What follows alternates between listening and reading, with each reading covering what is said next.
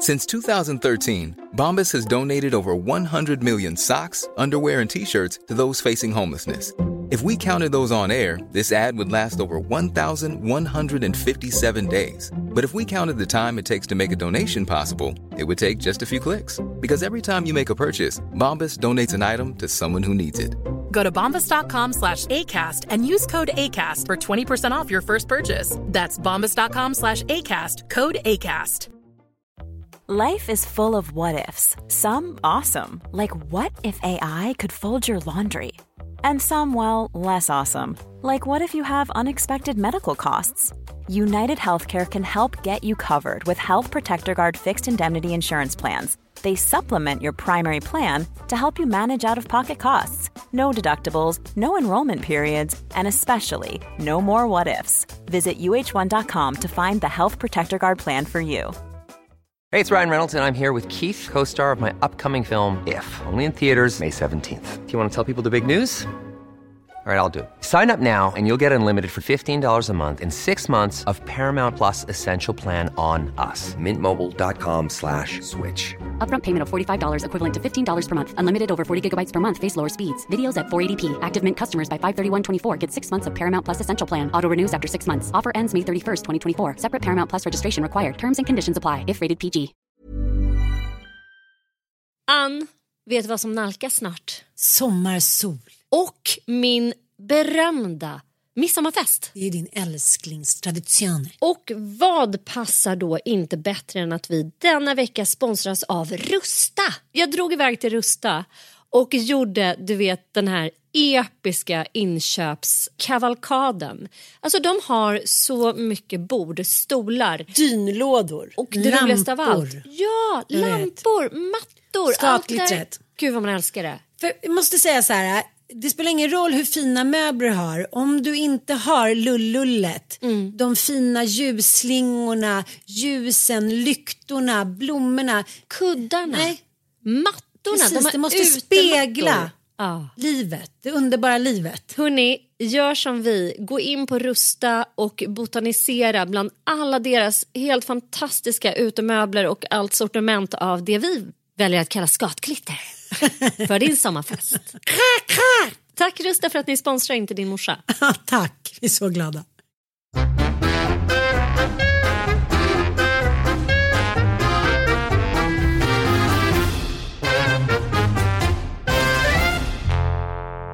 Hej och välkomna till Inte din morsa.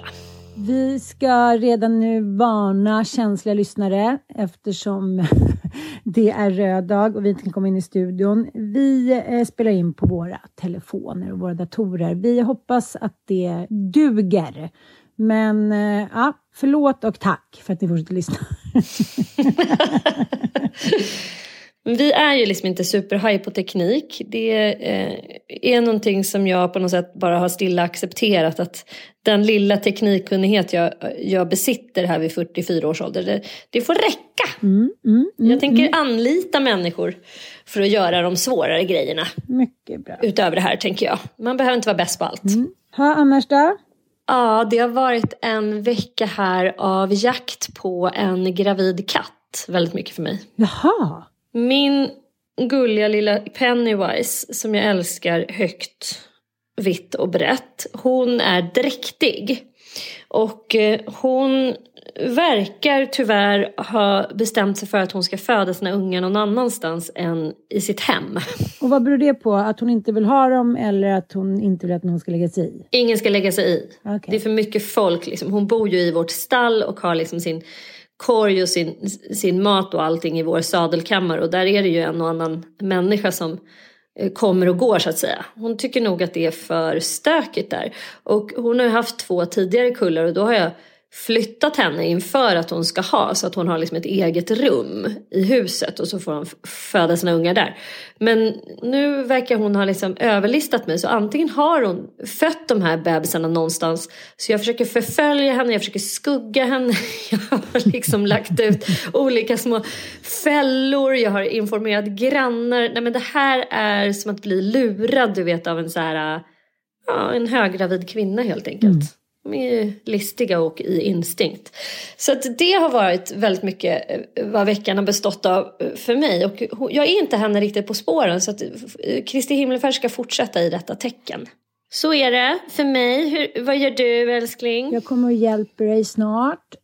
Ja. Jag håller på och tränar inför då mina 4,5 mil som jag ska springa i augusti. Mm. Det var ganska intressant. Jag eh, träffade en gammal killkompis som, eh, ja, vi pratade lite om det här, att jag skulle springa de här 4,5 milen. Och nu gör jag ju stegen igen, eller liksom eh, ja, 12 stegen för anhöriga slash medberoende eh, slash eh, fuck-ups, jag vet inte vad man ska säga, relationsfuck-ups. Eh, och jag, jag kanske säger att jag gör det liksom eh, för första gången verkligen på riktigt, riktigt. Och det är ju så här, det tar ju tid, det är mycket jobb.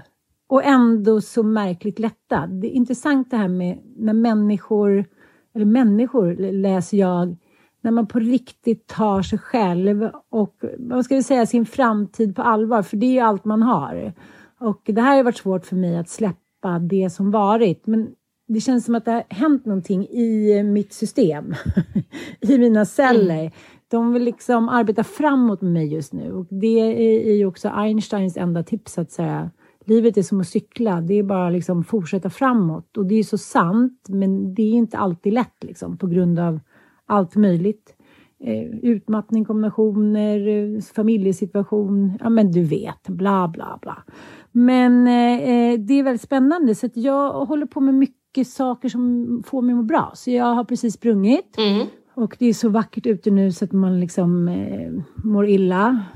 Solen skiner och liksom sjön glittrar, eller jag bara säga. Det, det är härligt. Barnen nu spelar fotboll. Det är liksom, det pruttar på. Underbart. Du är ute på en liten resa här. Verkligen. Alltså, jag, jag tycker det verkar så här. Vi har känt varandra i, i 15 år snart. Nej men 14 i alla fall.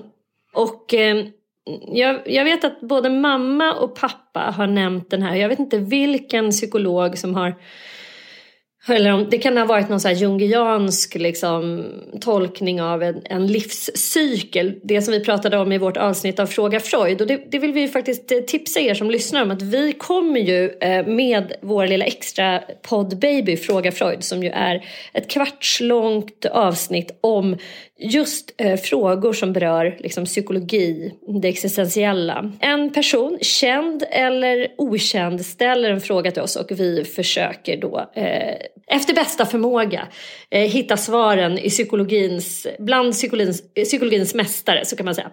Vi fick en fråga av Navid Modiri som är vår senaste då, frågeställare i Fråga Freud. Gå in och lyssna på det avsnittet för vi eh, gidrar på om 40-årskrisen. Mm, väldigt spännande. Ja, det är skitspännande. Ja. Och efter det är jag generellt bara väldigt intresserad av människans som så här, 70 eh, Eh, ett väldigt långt liv och att man egentligen lever väldigt många liv i samma liv. Och jag tycker det är så jävla fascinerande att man faktiskt kan förändra hela sin inställning till saker och ting. Jag tror att det är därför jag har lite svårt för diagnostiseringar av barn. Och att liksom sätta etiketter på barn tycker jag också Jag hatar det. Mm. Alltså gud vad jag avskyr det. Och det etikett, många utav etiketterna sätts ju på en i skolan. Ja, du är social, du är sportig, du är glad. Och det du är liksom är smart, i ett skede av livet. Rolig, ja, du är smart, du är rolig. Och sen sitter ju de här, och det är, det är ingenting som bara jag tror, utan det är ju faktiskt en falang av psykologin som har undersökt hur mycket så här verbala så epitet och eh, eh, etiketter hur hårt fast de sitter i oss sen. Mm. For life. Och därför kan man ju verkligen förstå att mobbing kommer påverka människan för resten av livet. Mm. Till exempel. Och det raljerar ju folk om att det borde man ju bara kunna skaka av sig och sådär. Men det, det har jag tänkt mycket på. Och min mamma och pappa var inne på den här jungianska tolkningen och Rollo May som är en existentialist. Och de pratar ju om att livet går i sjuårscykler. Mm, mm. Cellerna förnyas ju var sjunde år va? Ja, och, och, min pappa har ju också så bekräftat det i typ alla sina relationer, att det tar slut efter sju år. Men när jag tittar på din och min vänskap så kan man ju också ganska tydligt se att du är lite grann av en sjuårsmänniska. Ja, är det slut mellan oss Nej, inte mellan oss, men, men att du liksom, du går in i en så här ny episod där du vill liksom, nu är det cellförnyelse på Ann Söderlund på hög nivå. Börja träna, shapea om, det är operationes. Mm. Men det är så jävla härligt. Jag kommer ihåg min kompis Sasha Antik, han sa till mig någon gång så här, jag har ändrat mig. Jag tycker hon är underbar. Jag bara, men jaha, men du, du tycker hon var världens jobbigaste. Nej, jag är inte längre. Jag har ändrat mig. Jag, alltså, han var så här, han kollade på mig och sa, varför får människan inte ändra sig? Måste man alltid tycka ja. lika? Annars är man crazy. Jag bara säger, men det har du rätt i. Man kan alltså, ändra Jag sig. tycker inte om hästar. Jag har aldrig gjort det. Mm. Man bara, men gud, ompröva tesen i jävla tönt. Alltså jag kan bli tokig på människor som är så här, jag är bara sån. Ah. Nej, mm. man är aldrig bara sån. Nej. Vi har liksom världens mest plastiska hjärna. Vi mm. kan förändra oss och bli liksom vad fan som helst mm. egentligen. Och tycka, bara ändra våra åsikter och allting. Och ändå så, så är man så benhårt fast vid att jag vet inte om det skapar väldigt stark trygghet också, de här epiteten och etiketterna. Att så här, jag är sån, nu sades det till mig när jag var nio år gammal och det betyder att jag är sån resten av livet. Jag tycker det bara känns väldigt klaustrofobiskt. Mm. jag brukar ofta tänka när jag hör den här låten. Jag dansar aldrig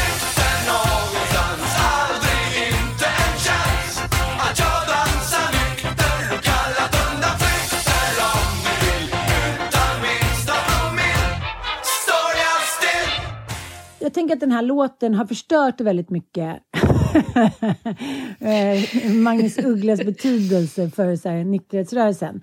När man lyssnar på den där låten så eh, är det ju väldigt lätt att tänka så här Ja, eh, dansa aldrig nykter, det har ingen betydelse. Men hela svenskens inställning till kärlek, mitande, liksom vänskapsrelationer, eh, det utgår ifrån att man så här, får dra ett par bärs så att man kan svänga sina lurviga. Det finns ju massa sådana uttryck som passar in i romantiseringen av kröken. Liksom. Mm. Och sen så är det en killkompis till mig som var missbrukare, alkoholist och ja, men, kokain, you name it. Och sen så, ja, så, så, slutade han med det och gick liksom, ja, men, via AA och tolvstegsmodellen. Han gjorde det verkligen hardcore. Hela hans liv hade liksom varit missbruk. Och det var som han sa, jag var ju ingen. Jag var ju tvungen att bygga upp mig själv och vem jag var och personlighet och jag var ju liksom i total kris. Det bara så här, allt föll. Och då så fick han tipset att här, utmana sig själv med sånt som han aldrig, aldrig, aldrig skulle göra. Och, och då, kom, då sa han så här, jag var så jävla dålig på att dansa för man hade ju aldrig dansat nykter. Därför jag tänkte på den där mm. låten. Och han började då på salsa, tango eh, och inte på så här flash in the pan med typ Iron Cara i bakhasorna.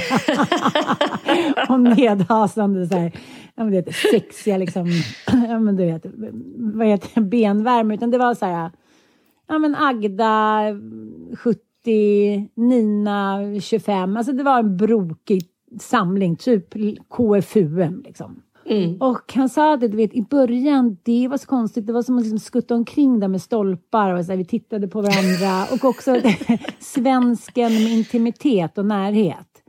Mm. Ja, håll det, händerna på täcket och liksom kristna ideal. Vi håller oss för oss själva. Luther är ständigt närvarande. Vi har ju svårt med intimitet och det är ju därför allting måste vara kröken. Liksom. Mm. Och det är därför man tänker nu när corona är slut och alla börjar hålla på med sina förbannade konferenser. Och de, liksom, de behövs ju inte längre. Alltså, det finns ju mm. liksom ingen anledning till pengavajs eller resmässigt eller någonting. Men folk måste få kröka och knulla vänstern liksom. Ja, det finns någon anledning. Och då läste mm. jag en sån otroligt intressant eh, liksom en, en bok häromdagen det var en svensk eh, författare, eller tjej, som hade blivit bedragen. Mm. Och eh, nej, men hon fixade inte det. Hon, eh, hon blev så sårad att hon lämnade sin man. Men sen så mm. kände hon så här, jag eh, måste liksom, eh, jag måste reda ut det här. Eh, jag klarar inte av att så här, stanna i den här bitterheten. Så hon intervjuade och följde liksom massa människor. Dels sådana som hade varit otrogna, men sådana som pågående var otrogna. Och sen så har hon liksom gjort en forskningsstudie och jag tyckte att det var så himla spännande för det pratas ju mycket om det här. Esther Perel pratar om infidelity, it could be the new beginning of you know, you can start to choose eh, another again, second marriage och, och som vi har pratat om innan att det har oftast inte så stor orsak till liksom, att man kanske har tröttnat på den andra utan det handlar mer om blicken på sig själv. Att man vill vara den man en gång var eller livskris eller någon har dött och sådär. Men då eh, konstaterade hon en, en, sak som var väldigt intressant. Att det så här, men apropå att vi alla är narcissister i liksom olika ja, men, gradenheter typ.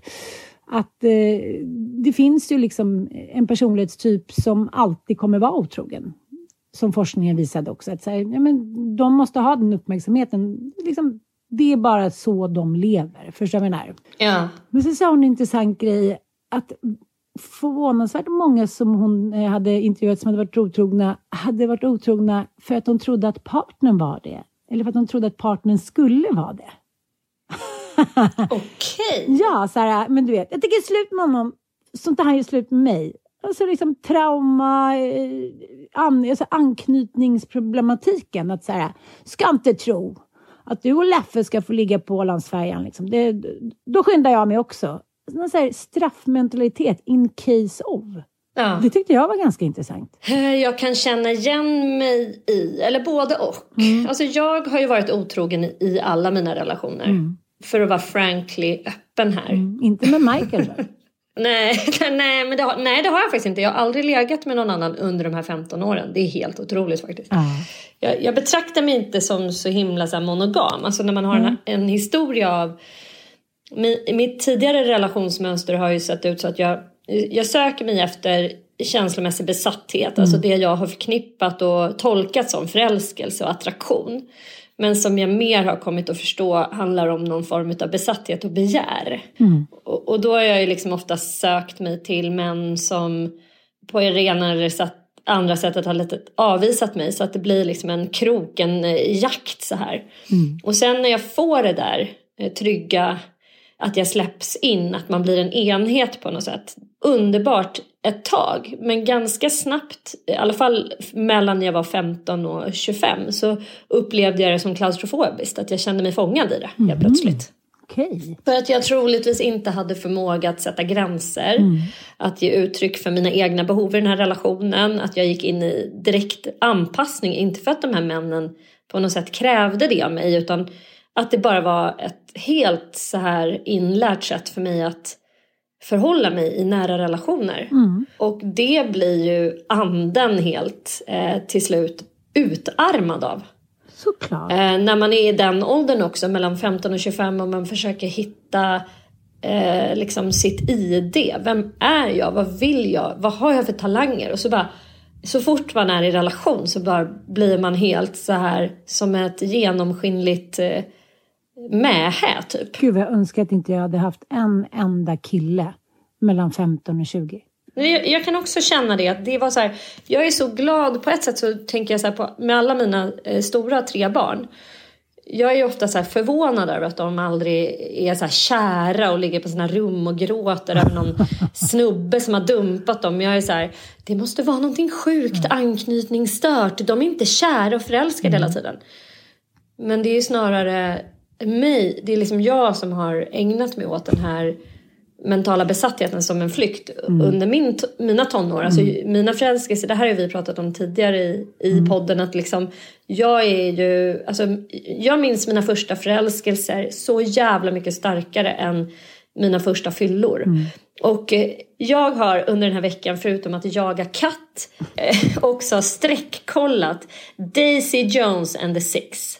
Jaha. Har du kollat på den serien? Nej, aldrig ens hört talas om. Nej, men det här är en serie där Elvis barnbarn spelar huvudrollen. Hon heter Riley Keough. Ja, ja. Och hon blev ju för inte så länge sedan moderslös. Det var ju Precis. Lisa Maries eh, dotter. Mm. Och den här serien är, jag ska inte säga att det är någon så här fem plus serie för att den är lite lökig. Men den handlar om ett fiktivt band i början av 70-talet. Som, och man får liksom följa deras eh, så här stapplande första steg in i att skicka demos, bli ett band och sen så småningom slå igenom.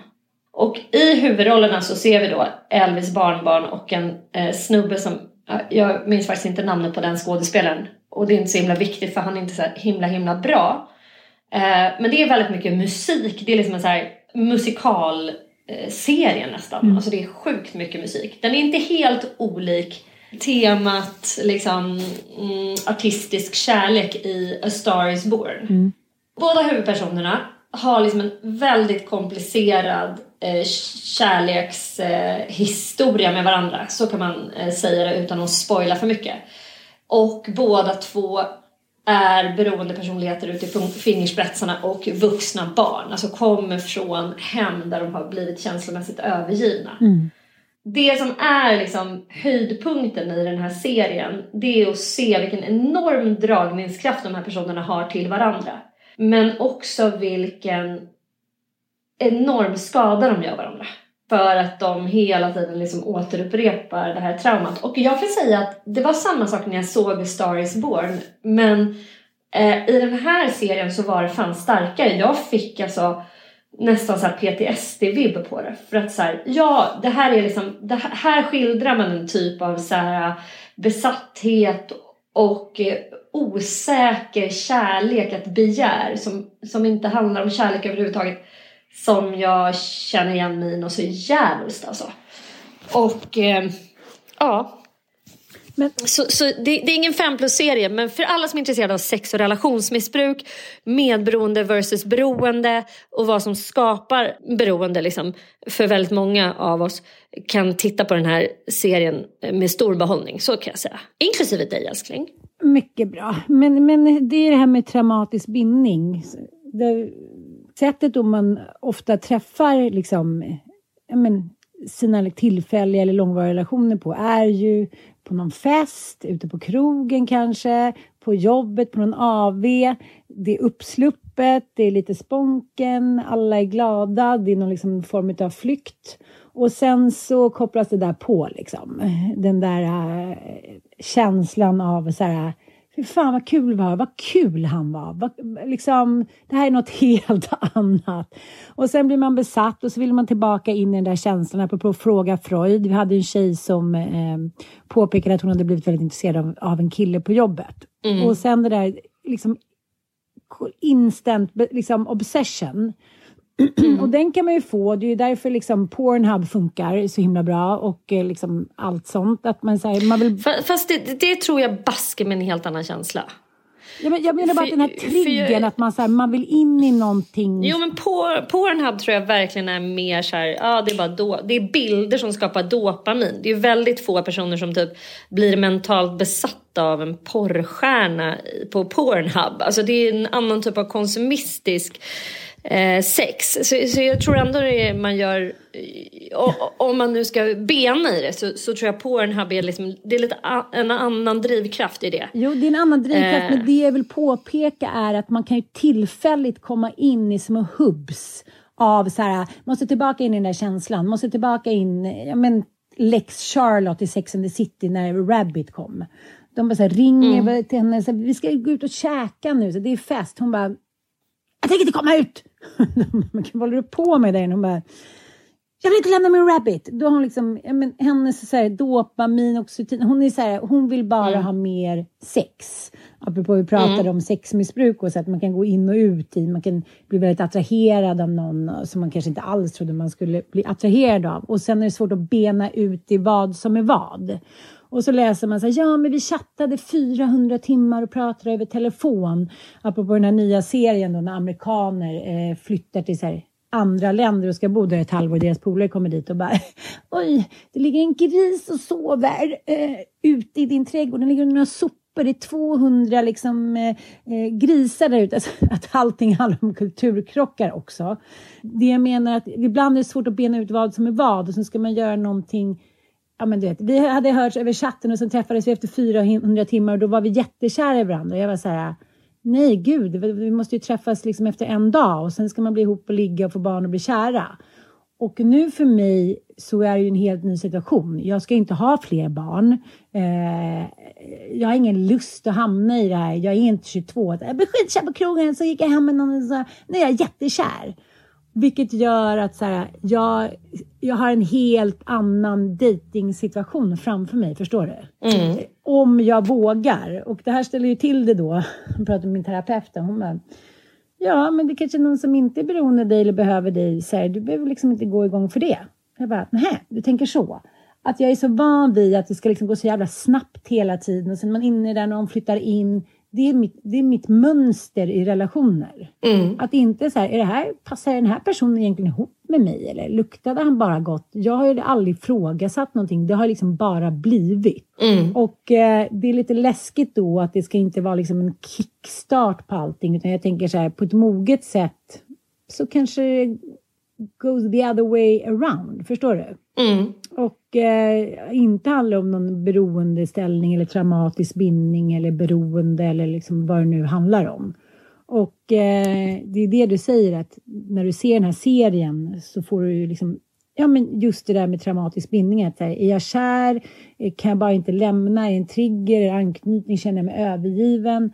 Och för mig har det ofta handlat om den här övergivningskänslan. Att så här, lämna mig inte, jag kan, kan, vara med vad som, kan vara med om vad som helst. Och då säger min terapeut, bara för att en man frågar hur du mår eller liksom gör någonting för dig eller eh, påpekar exempel, ska du verkligen springa fyra och en halv mil, så pajar inte din kropp.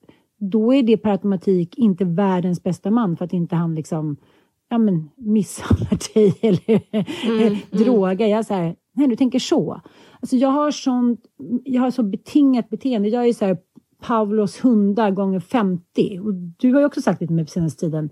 Men det, varför ska du göra så för? Jaha, men det kanske jag inte behöver längre. Alltså, du vet, det är som liksom en automatisk autopilot som bara har pågått i så många år och sen ska man liksom förändra mönstren och det kan man ju. Mm. Men det, det, det handlar ju bara om att stanna till när autopiloten kopplas på. Det är inte så jävla lätt. Nej, och jag, jag, alltså, lite grann det här som vi sa inledningsvis i podden, att man lever många liv i ett och att man faktiskt kan förändra massor med saker.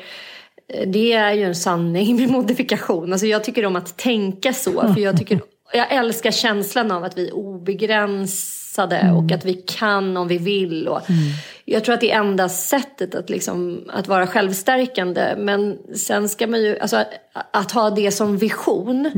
Men det är någonting annat än ett mål. Alltså visioner måste få vara jättestora och overkliga och sådär. Men målet måste förhålla sig till verkligheten. Och det är lika viktigt att identifiera att ja, jag har jättesvårt att bryta vissa mönster. Eh, I synnerhet när det gäller relationsmönster och det har vi liksom alla som har ett medberoende. Och i synnerhet vi som är vuxna barn, du och jag. Alltså vi har ju en uppfuckad anknytning som gör det så farligt liksom i nära relationer. Och då går vi in i våra copingstrategier och försvar i väldigt hög utsträckning och det blir liksom inte vi är i vårt vuxen-jag. Så tänker jag på det i alla fall. Och- Och det är, för mig är det extra utmanande och extra svårt att bryta relationsmönster. Sen kan jag bryta massa andra mönster hur lätt som helst. Jag har tydligen inga problem att sluta röka, jag hade inga problem att sluta dricka och jag har inga problem att sluta jogga. Aldrig börjat, men du fattar. Jag, bara, det är inget, jag hade inget problem att börja dricka. Är liksom, ja, och jag tror du är inne på någonting jävligt sant. Mm. Det här med övergivenhet. Jag tror att det är så många av oss, vi vågar inte ens tänka att det är det det handlar om. Eh, Men herregud, det, det är nog grunden för alla mina relationssvårigheter också. Att eh, som sagt i tidigare relationer, om vi ska återgå till det här, eh, är man eh, en person som alltid är otrogen och alltid kommer vara det. Jag tänkte så om mig själv tills jag hamnade i den här relationen. Och det beror ju så jävla mycket på vad man har för roller i relationer.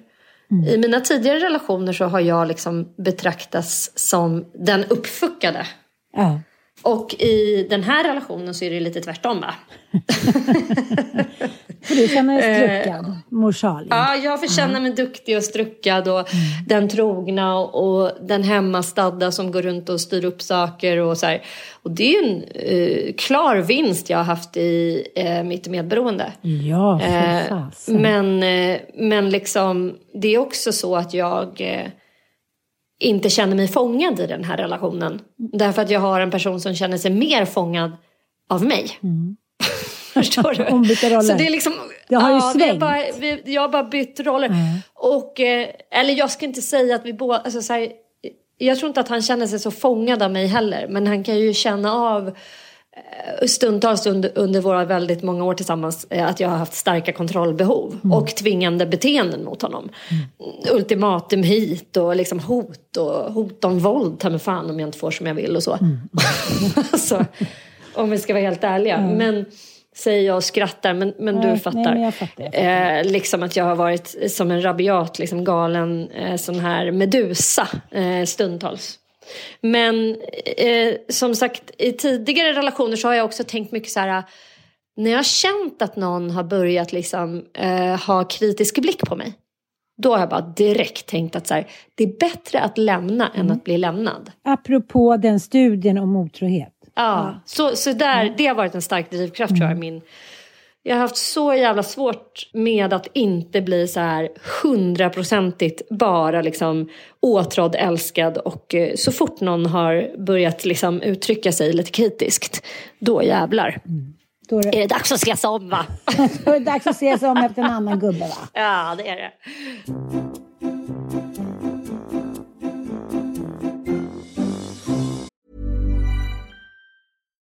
Here's a cool fact. A crocodile can't stick out its tongue. Another cool fact you can get short term health insurance for a month or just under a year in some states. United Healthcare short term insurance plans are designed for people who are between jobs, coming off their parents' plan, or turning a side hustle into a full time gig. Underwritten by Golden Rule Insurance Company, they offer flexible, budget friendly coverage with access to a nationwide network of doctors and hospitals. Get more cool facts about United Healthcare short term plans at uh1.com. This message comes from BOF sponsor eBay. You'll know real when you get it. It'll say eBay Authenticity Guarantee. And you'll feel it. Maybe it's a head turning handbag, a watch that says it all, jewelry that makes you look like the gem, or sneakers and streetwear so fresh every step feels fly. eBay gets it. So look for the blue check mark next to that thing you love and be confident that every inch, stitch, sole, and logo is checked by experts. With eBay Authenticity Guarantee, you can trust that feeling of real is always in reach. Ensure your next purchase is the real deal. Visit eBay.com for terms. There's never been a faster or easier way to start your weight loss journey than with PlushCare PlushCare accepts most insurance plans and gives you online access to board-certified physicians who can prescribe FDA-approved weight loss medications like Wigovi and Zepbound for those who qualify. Take charge of your health and speak with a board-certified physician about a weight loss plan that's right for you. Get started today at plushcare.com slash weight loss. That's plushcare.com slash weight loss. plushcare.com slash weight loss. Hey, it's Ryan Reynolds, and I'm here with Keith, co-star of my upcoming film, If, only in theaters May 17th. Do you want to tell people the big news? All right, I'll do it. Sign up now and you'll get unlimited for $15 a month in six months of Paramount Plus Essential Plan on us. Mintmobile.com slash switch. Upfront payment of $45 equivalent to $15 per month. Unlimited over 40 gigabytes per month. Face lower speeds. Videos at 480p. Active Mint customers by 531.24 get six months of Paramount Plus Essential Plan. Auto renews after six months. Offer ends May 31st, 2024. Separate Paramount Plus registration required. Terms and conditions apply if rated PG. Vi vill faktiskt ha procent nu av the holy, holistic psychologist. Men eh, vi vill ha procent på hennes intäkter.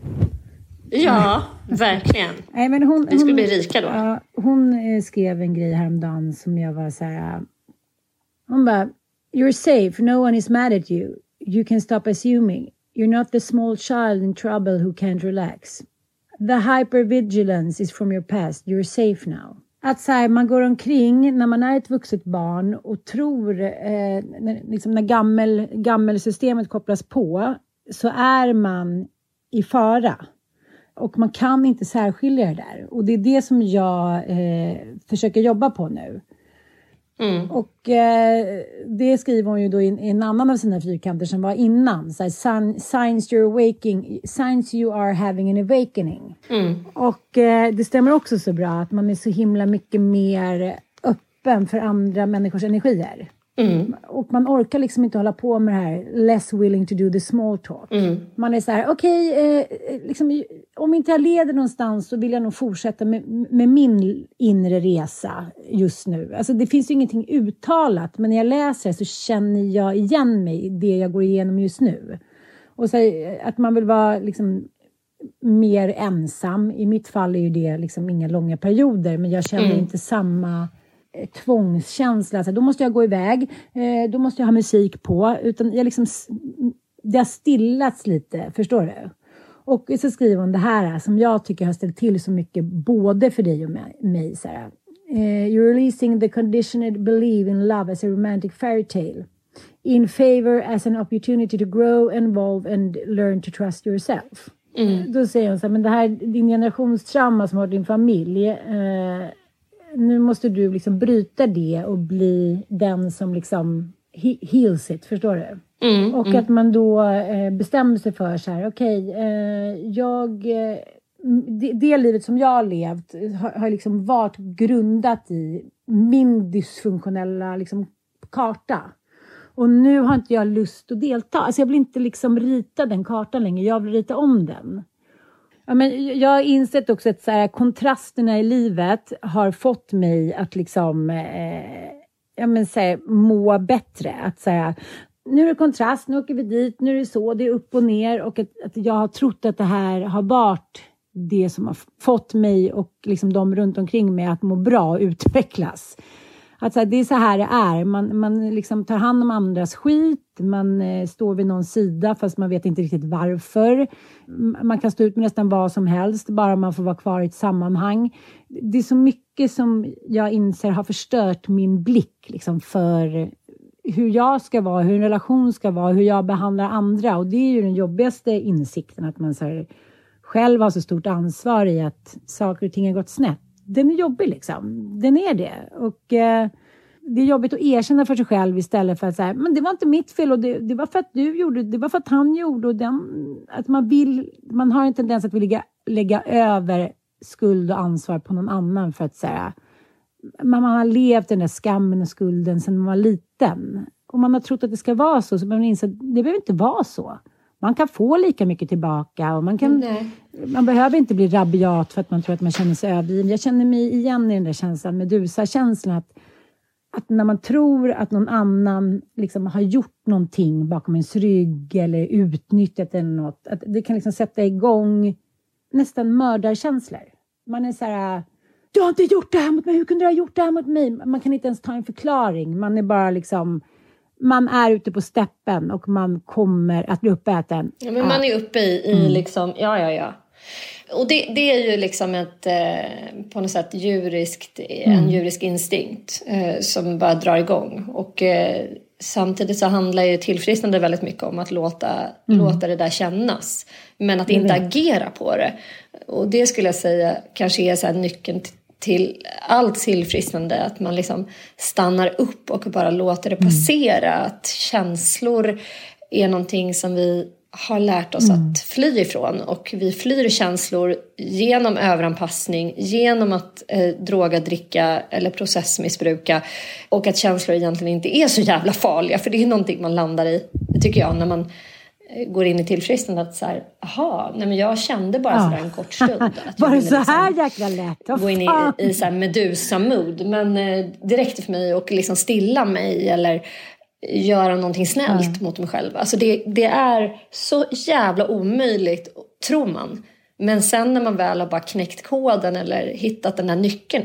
Jaha, var det så här enkelt? Fan vad sjukt att avstå. Eh, att agera. Men jag tänker lite grann så här att du är igång i en process och att liksom jag kommer ihåg när vi startade Djävulspodden, som den här eh, podden på något sätt hette från början. Det var ju vårt podd, eh, vår, vår poddupprinnelse. Att vi ville göra liksom en liten uppföljning på eh, vad som hade hänt sen vi spelade in Djävulsdansen. Och att vi två träffades ju i, i liksom en resa mot tillfrisknande för att vi då var liksom i kulmen av vårt medberoende, eller vad man ska säga. Och nu är du i liksom en tillfrisknande process igen.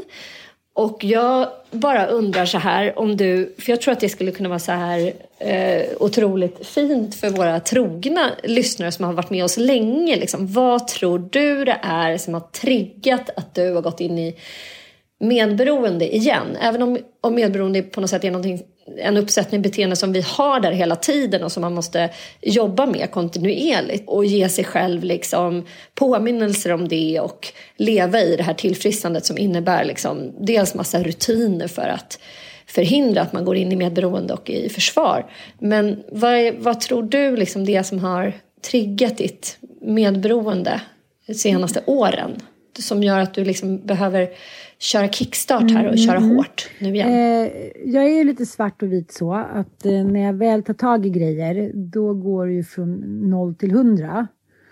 Men det var det som jag i min utflippade hjärna började den här podden med att säga att det var då den här killen hade frågat mig så här men varför ska du springa fyra och en halv mil i augusti om du inte ens har börjat träna nu? Du, liksom, du är bra tränad nu och du känns stark, men om du ska springa fyra och en halv mil eh, utan liksom någon korrekt träning, då kommer ju förmodligen din kropp paja. Och då bara kände jag så här, jaha. Alltså det var en sån game changer för mig. Jag var så här, här ska man ifrågasätta eh, liksom att, att, man inte skulle, att det inte skulle vara bra för en att klara av någonting. Och då i terapin så, så säger de som det här är ju ett flyktbeteende från din sida. Att så här, har du jobbigt känslomässigt eller hemma, så här, ja, men då kör vi på. Hittar vi på ett nytt projekt. Du tackar ja. Ja, men jag gör det. Och hon sa att de här sidorna ska ju du ha kvar, för det är ju en superkraft liksom.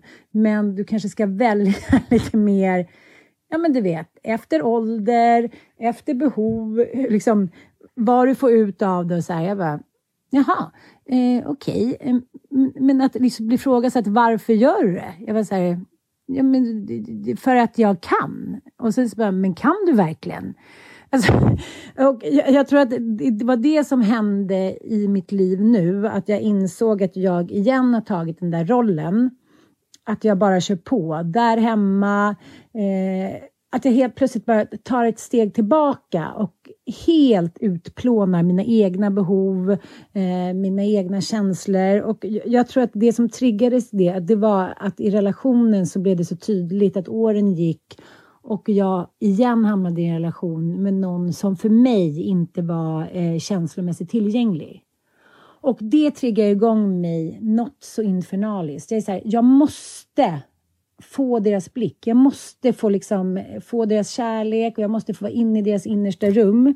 Men eh, om jag tittar tillbaka på min förra relation som pågick i 13 år så fick jag ju aldrig komma in i hans innersta rum förutom alltså, vid sexuella liksom, tillfällen. Då kunde vi ha en närhet eller om han var liksom, ja, men, vad ska jag säga, på, någon, på något rus eller något liknande. Annars var det totalstängt.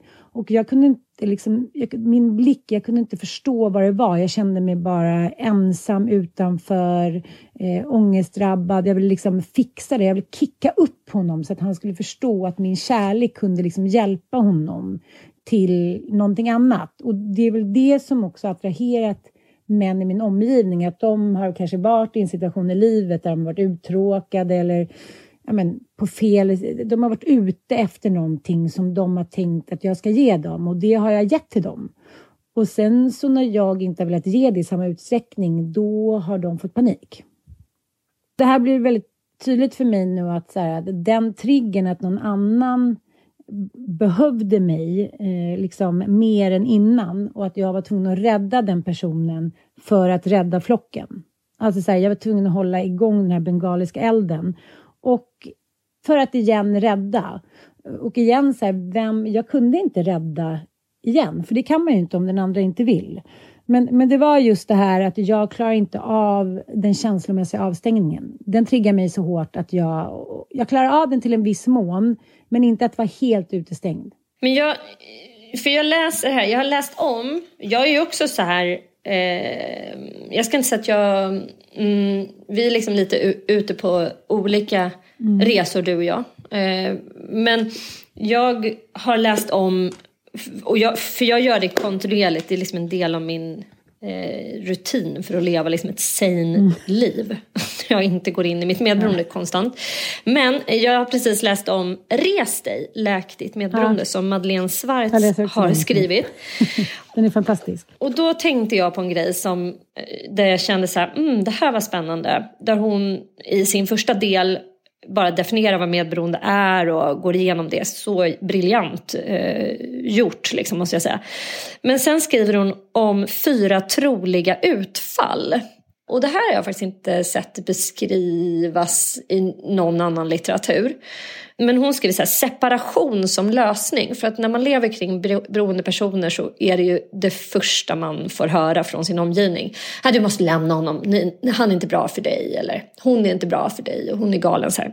Och då skriver Madeleine Schwartz så här. Vi uppmanas ofta att lämna den person vi är medberoende till. Partnern, föräldern, dottern, sonen, syskonet.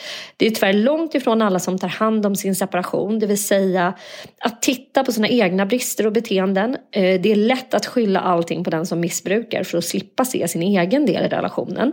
Att använda separation som lösning blir ett kortsiktigt sätt att lösa sitt problem. Det är stor sannolikhet att man då snabbt hittar en ny person att ta hand om eller förhålla sig till. Därför uppmanar jag alla att göra någon form av egen utveckling för att förstå sina egna mönster och beteenden. Och sen går hon igenom så här fyra troliga utfall. Eh, då skriver hon så här. 1. Ingenting förändras. Missbruket fortsätter och det, det här är liksom om man lever i relationen missbrukare och medberoende. Sen kan det ju vara en mix av bägge två. Missbruket fortsätter och den medberoende följer med i den nedåtgående spiralen. Och det är den här eh, kurvan, som, Jelinek-kurvan som avses då. Eh, det följer ett visst mönster i alla missbruk och beroenden. Det som den medberoende är mest rädd för kommer att infrias, nämligen att han eller hon blir ensam. Missbrukaren försvinner mer och mer in i sitt missbruk och det troliga slutet är en för tidig död. Den medberoende blir både eh, ensam i sin relation och genom den för tidiga döden. Det är även troligt att de flesta vänner och familjemedlemmar har lämnat för att de inte står ut liksom, med att se den här relationen. Det här har vi sett kring oss, eller hur? Mm, Ja, ja, ja. Ja, det andra troliga utfallet. eh, Missbrukaren tillfrisknar. Om missbrukaren väljer att tillfriskna, gör en behandling och en medberoende inte jobbar med sin egen förändring är det högst troligt att den tillfrisknande missbrukaren lämnar sin medberoende partner. Den medberoendes eh, den medberoende lämnas bitter och ensam. Den värsta farhågan har återigen blivit verklig, att bli lämnad. ja. Det är din största trigger. Ja, men det här... Eh, sen finns det det här utfallet. Ja. Tre, den medberoende tillfrisknar. Här finns det två olika riktningar. Den ena är att eh, den medberoende gör sin personliga utveckling, går i terapi, kommer till insikt om sin problematik, gör sitt jobb med sig själv, ändrar sina gamla invanda mönster, hittar nya mer fungerande strategier och förhållningssätt och lämnar missbrukaren. Den andra möjliga vägen är att den medberoende gör jobbet med sig själv men lever kvar i sin relation. Hon han hittar ett sätt att förhålla sig till missbrukaren och skiljer på den mentala och den fysiska separationen. De lever ett parallellt liv och mår bra. Ja, den där, ja, den där har vi pratat om så Lex många jag. gånger. Ja, Lex och liksom Märta Tickanen. Ja, men jag tycker det är sjukt viktigt för att vi... Det, och sen skriver hon det här. Fyra, båda tillfrisknar. Tillsammans bygger missbrukare och den medberoende en ny tillvaro, går gemensamt och enskilt i behandling terapi och hittar ett sätt att lösa sina gemensamma problem. De lägger sitt gamla liv bakom sig och gör en omstart. Då gäller det att båda två har gjort sitt eget arbete för att de inte ska falla tillbaka i gamla mönster. Det finns många bra exempel på att det går att tillfriskna tillsammans, där båda tar lika mycket ansvar. Och hon, det jag tycker är så snyggt av, av Madeleine här, det är att hon inte lägger några värderingar i de här fyra olika utfallen. Även om liksom ettan och tvåan känns ju jävligt deppiga och mörka förstås. Eh, att fortsätta leva liksom i medberoende och så ser man hur allt bara försvinner ifrån en. För det är det som är på något sätt utgången. Och det gäller ändå att påminna sig om det. Eh, när det gäller alla beroende och missbruk, inklusive medberoende, att det är den här ensamheten som på något sätt till slut biter en i svansen. Det man är som allra mest rädd för är det som kommer att infrias av de här beteendeförändringarna. Men, men det är det jag menar att det känns ju inte som att man har varit rustad någon gång för att ens ta sig igenom dem utan att då koppla på den här liksom eh, dopaminhjärnan och oxytinhjärnan. Att så här, ut och hitta något nytt. ut på steppen och hitta någon ny som kan liksom föra arten vidare. Jag kan känna mig otroligt djurisk i sådana tillfällen. Jag bara, det är någon amygdalan bara kopplas på och jag är liksom eh, Ayla. Mm. ja. Nej, men, och den här undersökningen som jag läste om i natt, haft mm. lite svårt att sova. Det är, så här, det är för ljust, det är för vårigt. Det är så här, jag älskar den där känslan, men också Oh, den är jobbig tycker jag. Man är, så här, är jag 15? Är jag 95? Ska jag leva? Ska jag dö? Det är mycket som, mm. som sätts igång. Uh, och då hade de gjort då en undersökning med så här, 90 kvinnor, eller 70 kvinnor. Så här. Uh, då hade de mött oxytocinnivån i, i de här kvinnornas kroppar. De hade liksom testat deras blod och de hade även sett vad som påverkades i deras hjärna. Mm. Ja, men du vet, trygghetscentrat, orocentrat och bla bla bla om deras män eh, gick förbi dem och smekte deras arm, mm. eh, då kopplades det centret i hjärnan på, där de kände sig trygga, lugna. Eh, oxytocinnivån höjdes. Alltså, det här var liksom en klapp på armen, en närhets... Liksom, så här, du och jag, vi hör ihop, typ. Mm. Men om en främmande man hade smekt deras arm precis innan deras man smekte dem. Alltså de fick mm. ju reda på att det här var ett test, men de fick inte reda på vad som skulle mätas. Så det var ju inte så här, ah! eh, liksom liggbeppe ja. typ, men kanylarmen kommer att kladda på mig, utan det var så här, det kommer vara en främmande man som tar på det. Det här var ju liksom inomhus, det var ju inte så här, vi går omkring, utan det var ju en forsknings... Liksom, Miljö. Mm. Precis. Då reagerade, när nivån höjdes inte. Nähä. Nej, och centret i hjärnan där vi känner oss trygga och där vi utvecklar då tillit till andra människor, vilket är så himla viktigt. Det är därför vi måste vara med andra människor och inte ensamma. Därför måste vi lära sociala koder och liksom ändå få någon form av anknytning. Den, eh, den hamnade i ett annat centra där man, känner sig o, där man känner oro och där man inte kan utveckla då tillit till andra människor. För att någon snabbt har liksom klappat på din arm. Mm. Otroligt spännande. Otroligt spännande. Och, och, dels det här då att det finns så många som är känslomässigt eh, otillgängliga och även fysiskt. Att så här, jag har ju kompisar som säger så här, men gud, jag får aldrig en kram. När vi ligger så är det bara mekaniskt. Han rör mig aldrig. Jag bara säger, nej men jag skulle aldrig stå ut.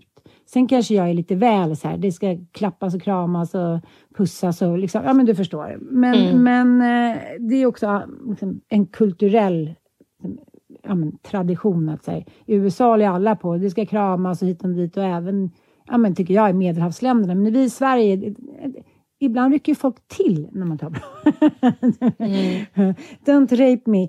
Men, men apropå att det så här, nej men vi levde bara som vänner och det funkade bra och det är, liksom, det är så vi är. Och det, mm. det är ingenting.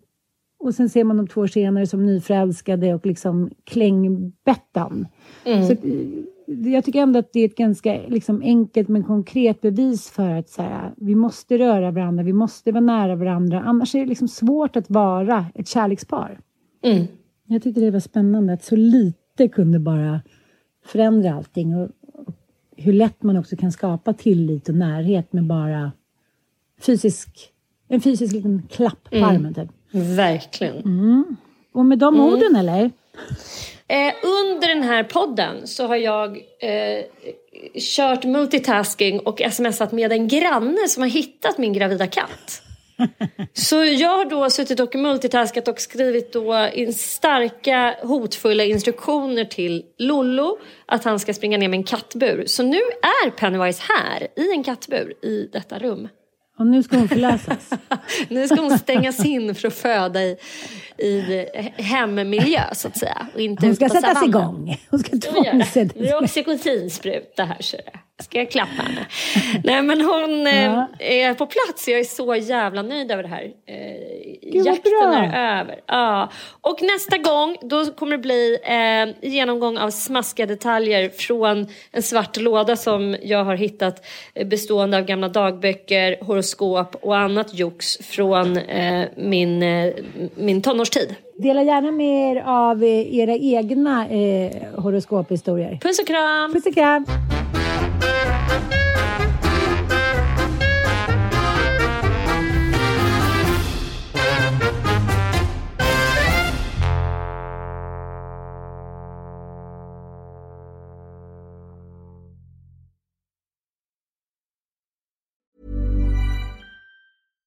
This message comes from BOF sponsor eBay.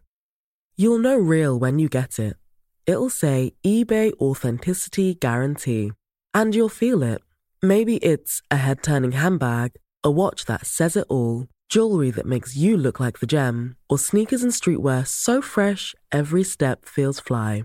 eBay gets it. So look for the blue check mark next to that thing you love and be confident that every inch, stitch, sole, and logo is checked by experts. With eBay Authenticity Guarantee, you can trust that feeling of real is always in reach. Ensure your next purchase is the real deal. Visit eBay.com for terms.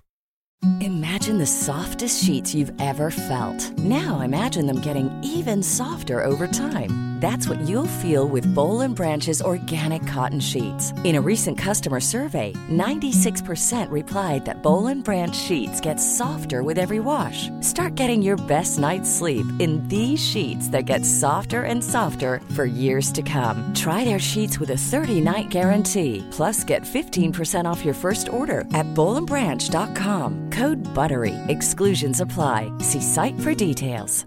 Hi, I'm Daniel, founder of Pretty Litter. Did you know cats tend to hide symptoms of sickness and pain? I learned this the hard way after losing my cat, Gingy. So I created Pretty Litter, a health monitoring litter that helps detect early signs of illness by changing colors, saving you money and potentially your cat's life. Pretty Litter is veterinarian developed, and it's the easiest way to keep tabs on your fur baby's health right at home. Go to prettylitter.com and use code ACAST for 20% off your first order and a free cat toy. Terms and conditions apply. See site for details.